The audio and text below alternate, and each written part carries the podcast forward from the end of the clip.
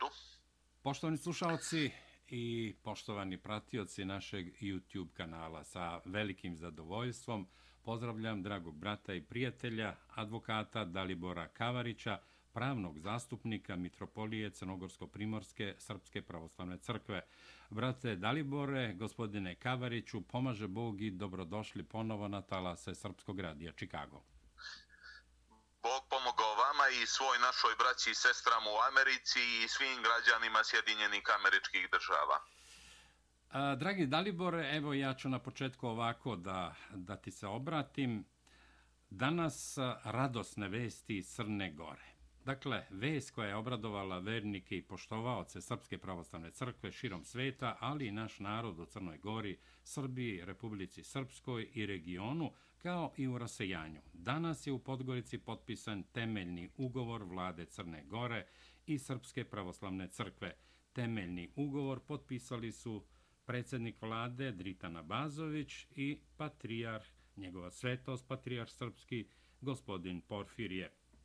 Samo da napomenem da je patrijar Porfirije izjavio da je blaženo počivši mitropolitan Filohije, između ostalog, učinio mnogo više nego svi mi koji smo došli iz crkve zajedno, a vi ste za medije u Crnoj Gori i Srbiji izjavili Potpisivanjem temeljnog ugovora između države Crne Gore i Srpske pravoslavne crkve ispunjen je drugi veliki amanet mitropolita Amfilohija. Pa, brate Dalibore, gospodine Kavariću, molim za komentar. Pa, opšte je poznato, pogotovo nama u Crnoj Gori, poštovani Milorade, žrtva i zalaganje. U konačnom opšte je poznato da je u toj borbi naš sveti mitropolit i položio svoj život a to je njegovo nastojanje da Srpska pravoslavna crkva kao jedina kanonska pravoslavna crkva u Crnoj Gori stekne ravnopravan status da sa drugim velikim monoteističkim religijama, jer kao što je poznato, rimokatolička crkva, islamska zajednica i jevrejska zajednica su već uredile svoj odnos sa državom Crnom Gorom na ugovorni način, a Srpska pravoslavna crkva kao jedna od velikih vjerskih zajednica i monoteističkih religija, dakle je bila u jednom nerešenom statusu i samim tim diskriminisana u odnosu na druge vjerske zajednice, što je svakako u svakodnevnom administrativnom životu crkve i u crkvenoj upravi e, pravilo brojne probleme, poteškoće, prepreke i svakako budući svestan toga na stari mitropolit je ulagao veliku žrtvu i napor da se i taj e, odnos crkve i države uredi, kažem, on je u toj strašnoj borbi, dugotrajnoj borbi i crpljenosti i problemima svakako ovaj skončao svoj život ne dočekavši na zemlji, a vjerujemo svakako svi e, sa neba, svakako da se on danas raduje sa nama i to je naš e, veliki patrijarh, vjerujem, duhovno i osjetio i da je upravo time pobuđen i izjavio te velike istorijske riječi o našemu mitropolitu. Dakle, temeljni ugovor, kako vi vidite, sem što se radujemo, kako vi vidite sa aspekta pravnog zastupnika Mitropolije Crnogorsko-Primorske, potpisivanje ovog dokumenta, šta će to doneti u narednom periodu? Pa vidite, Milorade, ova e, tema je ne samo radi pravnih aspekata, već prije svega radi drugih društvenih aspekata, radi različitih interesa, e, moram priznati u Crnoj Gori precenjena, pravno precenjena. Dakle, temeljni ugovor e, nije akt toliko velikog značaja i toliko važan da je njegovo potpisivanje i njegovo zaključenje iziskivalo potrebe savladavanja ovakvih e, prepreka i poteškoća, dakle to je jedan evidencioni pravni akt je praktično sva prava koja vi već imate po međunarodnim i nacionalnim dokumentima sistematizujete u jedan dvostrani akt koji se zove ugovorom. Da, ugovor. Dakle, vi ne dobijate ništa više, a što već nemate po nacionalnim i nadnacionalnim propisima. Dakle, jedna evidencija na jednom mjestu svega što već imate po domaćim i međunarodnim propisima. Međutim, činjenica da mi u Crnoj Gori ni ta takvu evidenciju i takav pravni akt nismo mogli da dobijemo, ipak pokazuje e, na jedan e, antisrpski i antipravoslavni karakter bivše DPS vlasti i zaista jedan uobičajeni, jedan, pa da kažemo, e, prilično jednostavan pravni posao je se izrodio i pretvorio u gotovo nemoguću misiju jer se ispostavilo zaista da je vlada DPS-a imala zadnje namjere, a to je da kažemo prostim jezikom, otimanje, preuknjižbu, podržavljenje imovine Srpske pravoslavne crkve i na jedan vještački način pravljenje nekakve druge vjerske zajednice koja zaista ne bi bila ni po kanonima crkvenim, a ni po državnim propisima.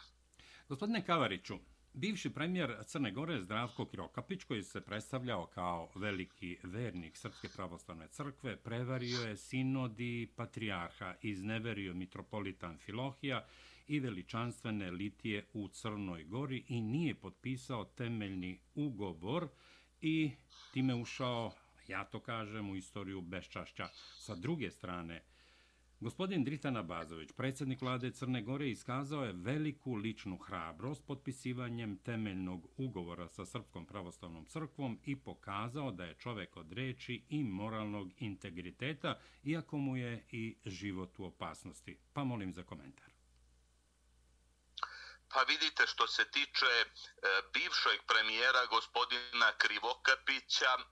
sami gospod zna zaista šta, šta je bilo u njegovoj glavi, šta je bilo u njegovoj duši i zašto jednostavno nije potpisao taj ugovor, iako je čini se imao priliku za to, iako je to bilo um, naravno sa određenim poteškoćama, jer nemojte misliti da ni sada nije bila izuzetna administrativna, bezbjedonosna i svaka druga vrsta obstrukcije od DPS-a. Dakle, gospodin Krivokapić očigledno se nije snašao u toj situaciji i svakako vrijeme, istorija crkve, pokoljenja će suditi o tome zašto on to nije učinio i da li je zaista e, njegova namjera bila u pravcu izbjegavanja te obaveze ili se jednostavno nije snašao. Dakle, ja ne mogu bilo što o tome više da kažem jer mi nisu poznati detaljni razlozi zašto gospodin gospodin Krivokapić nije završio taj posao koji prosto je bilo logično da kao državnu obavezu, jer ugovor nije ništa drugo nego obaveza države prema ne samo Srpskoj pravoslavnoj crkvi, nego i prema svim drugim vjerskim zajednicama, zašto on to jednostavno nije završio. Sa druge strane, očigledno je da je gospodina Bazović imao i državničke hrabrosti, državničkog znanja, prije svega E, svijesti o značaju ravnopravnosti među vjerskim zajednicama, o značaju nediskriminacije među vjerskim zajednicama, jer ipak složit ćemo se, e, religiozna vjerska prava su svakako fundamentalna, temeljna i e, bez uređenja vjerskih odnosa sa vjerskim zajednicama, pogotovo tradicionalnim, dominantnim, većinskim, kažem pogotovo ne radi diskriminacije, nego radi brojnosti njihovih članova i radi potencijalnih e, posljedica po ukupno društvo, e, gospodina Bazović je shvatio da je jednostavno e, to oblast koja podrazumijeva e, postizanje takvog konsenzusa u društvu e, bez koga ne bi bilo moguće se baviti nadogradnjom koja podrazumijeva borbu protiv kriminala, ekonomski razvoj i ispunjenje standarda e, Evropske unije i NATO-a. Očigledno da je gospodin Dritan Abazović čovek od reči i integriteta, ljudskog integriteta. Moram potvrditi jer njegova dijela svakako idu u prilog tome i tu se bilo što drugo ne može reći osim izuzetna zahvalnost eh, prema gospodinu Abazoviću, dakle kao čovjeku od riječi čovjeku staroga kova kakvi su bili e, naši stari preci, bilo da govorimo o Albancima, Srbima i svima drugima koji su visoko držali do moralnog kodeksa. Gospodine Kavariću, na samom početku ja sam naveo ono što ste vi danas izjavili za medije u Crnoj Gori, Srbiji u regionu. Naime, ponavljam, potpisivanjem temeljnog ugovora između države Crne Gore i Srpske pravoslavne crkve ispunjen je drugi veliki amanet mitropolitan Filohija. Šta je bio prvi amanet? Prvi je bilo ispravljanje nepravde nanešene Srpskoj pravoslavnoj crkvi donošenjem antiustavnog i diskriminišućeg zakona o slobodi vjeroispovijesti kojim, kojim je bilo predviđeno da se sva imovina Srpske pravoslavne crkve automatski ad hoc i ex officio upiše na državu Crnu Goru, čitajte na Demokratsku partiju socijalista koja je bila sinonim za državu, koja je jednostavno zarobila državu, a nakon toga, suprotno svim principima upravnog e,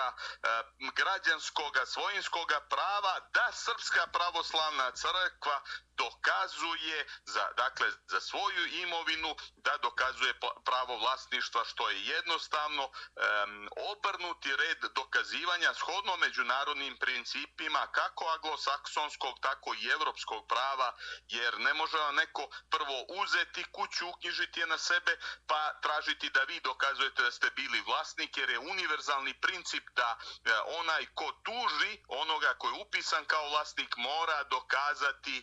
da e, je ta njegova tužbena pretenzija e, osnovana, a ne obrnuto. Dakle, to je bio prvi amanet, on je, kao što sam napisao, ispunjen u cijelosti i zaista u ispunjenju tog prvog amaneta je gospodin Krivokapić zajedno sa gospodinom Abazovićem, sadašnjim premijerom, imao vrlo časnu ulogu i e, svakako ja sam kao punomoćnik crkve, a čini mi se i veliki dio građana zahvalan na ispunjenju prvog amaneta. Kao što smo rekli, dugi amanet je ugovor sa Srpskom pravoslavnom crkvom i kao što sam napisao, pretpostavljam da ste me to htjeli pitati. Treći amanet je svakako e, dogovor sloga i jedna, jedan saborni, zajednični i saglasni e, odnos e, i e, konsenzus među konstituentima nove vlasti u smislu jednog harmoničnog i skladnog funkcionisanja među njima, a na dobro Crne Gore kao države. Da, gospodine Kavariću, toplo je, pretoplo u Čikagu i okolini, 33 stepena, pretpostavljam da je toplo i u Crnoj Gori. Da li će biti još toplije ili da li nas očekuje još toplije leto, odnosno ovaj drugi deo leta koji je pred nama? Naime,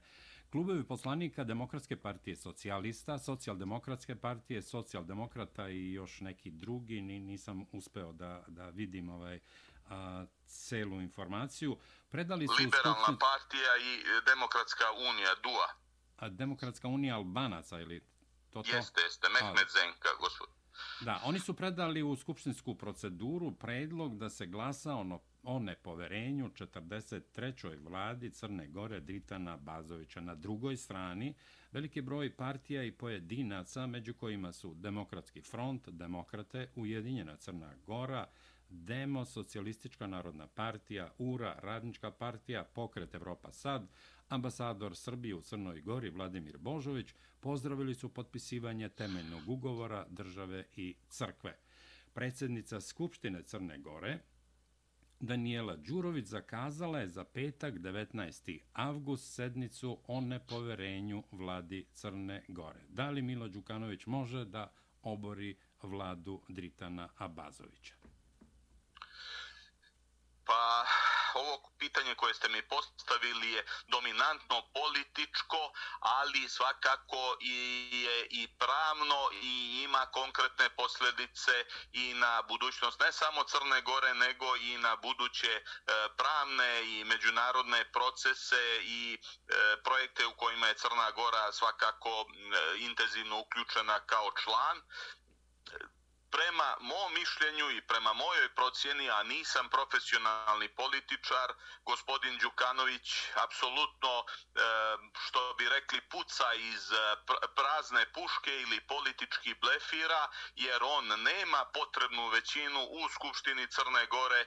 kako bi mogao dovesti u pitanje vladu premijera Bazovića. Ovo je više jedan odraz i pokušaj pokazivanja moći koju gospodin Đukanović objektivno nema i mislim da je ovo, i apsolutno sam siguran, prosto jedna prestava za e, birače i pristalice Demokratske partije socijalista i ovih malih satelitskih partija sa ciljem da e, Demokratska partija socijalista pokaže e, kakvu takvu reakciju da prosto pokuša na neki način da e, ukaže biračima da nije potpuno marginalizovana, iako je upravo to slučaj i ne bilo čijom drugom voljom, nego e, potpuno pogrešnom, anticrkvenom, antisrpskom politikom, protivno svim međunarodnim pravnim, vjerskim i drugim principima sa ciljem e, da se Srpska pravoslavna crkva prosto diskriminiše, e, protjera iz Crne Gore, obespravi i apsolutno e, kao posljedica toga je prepoznatljivost koja se stvorila kod građana i koja je rezultirala padom više decenijske autoritarne komunističke vlasti Demokratske partije socijalista. Gospodine Kavariću, ne daj Bože, ali moram da vas pitam, da li su mogući nemiri u Crnoj Gori kada su u pitanju odnosi pre svega prema vladi Crne Gore, ali naravno i prema Srpskoj pravoslavnoj crkvi, ne daj Bože onako kao što je bilo na Cetinju prilikom ustoličenja mitropolita Joannikija nisu mogući nemiri u Crnoj Gori. Kao što znate, Crna Gora je dio jednog šireg sistema e, NATO bezbjednosti. E, raspoloženje građana Crne Gore je prema Srpskoj pravoslavnoj crkvi dominantno, dominantno pozitivno i e, odnos izuzetnog poštovanja na način da 95% građana koji vjeruju i koji se izražavaju kao pravoslavni, izjašnjavaju kao pravoslavni vjernici, dakle 95% takvih građana je lojalno, odnosno prizna i prihvata Srpsku pravoslavnu crkvu kao e, regularnu pravoslavnu vjersku zajednicu i samim tim prosto e, nema ko e, da bi mogao izazvati neke nemire u Crnoj Gori, osim malih kriminalnih grupa koje su dio organizovanog e, kriminala i međunarodnog šverca narkotika koje bi mogle potplaćivanjem, e, potkupljivanjem i na slične načine izvršiti neke pojedinačne izolovane sabotaže, diverzije ili možda neke ekstremnije akte, međutim u situaciji gdje službe bezbjednosti svakako sarađuju sa međunarodnim partnerima, razmenjuju informacije gdje kriminalističko tehnički opremljenost naše policije i službe bezbjednosti dostiže jedan prilično visok nivo i sa tendencijom daljeg razvoja ne vidim mogućnost da bi moglo doći do bilo kakve destabilizacije, a pogotovo u situaciji kada građani Crne Gore gledaju u budućnost, gledaju u ekonomski razvoj borbu protiv kriminala i korupcije i prosto ne postoji raspoloženje u društvu koje bi bilo povoljno u smislu e, bilo kakvih ekstremističkih postupanja ili ponašanja koje bi bile zabrinjavajuće ili da kažemo mogle uznemiriti društvo.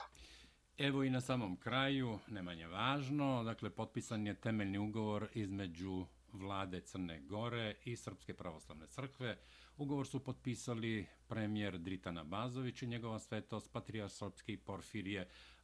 Patrijar Srpski Porfirije i mitropolit Crnogorsko-Primorske i Joannikije pišu portali u Crnoj Gori. Rekli su crnogorskom premijeru Dritanu Abazoviću da je potpisivanjem temeljnog ugovora ušao u istoriju, postao besmrtan, piše portal Lisa Dan, od prisutnih na današnjem potpisivanju ugovora o uređenju odnosa između države Crne Gore i Srpske pravoslavne crkve. Izvolite.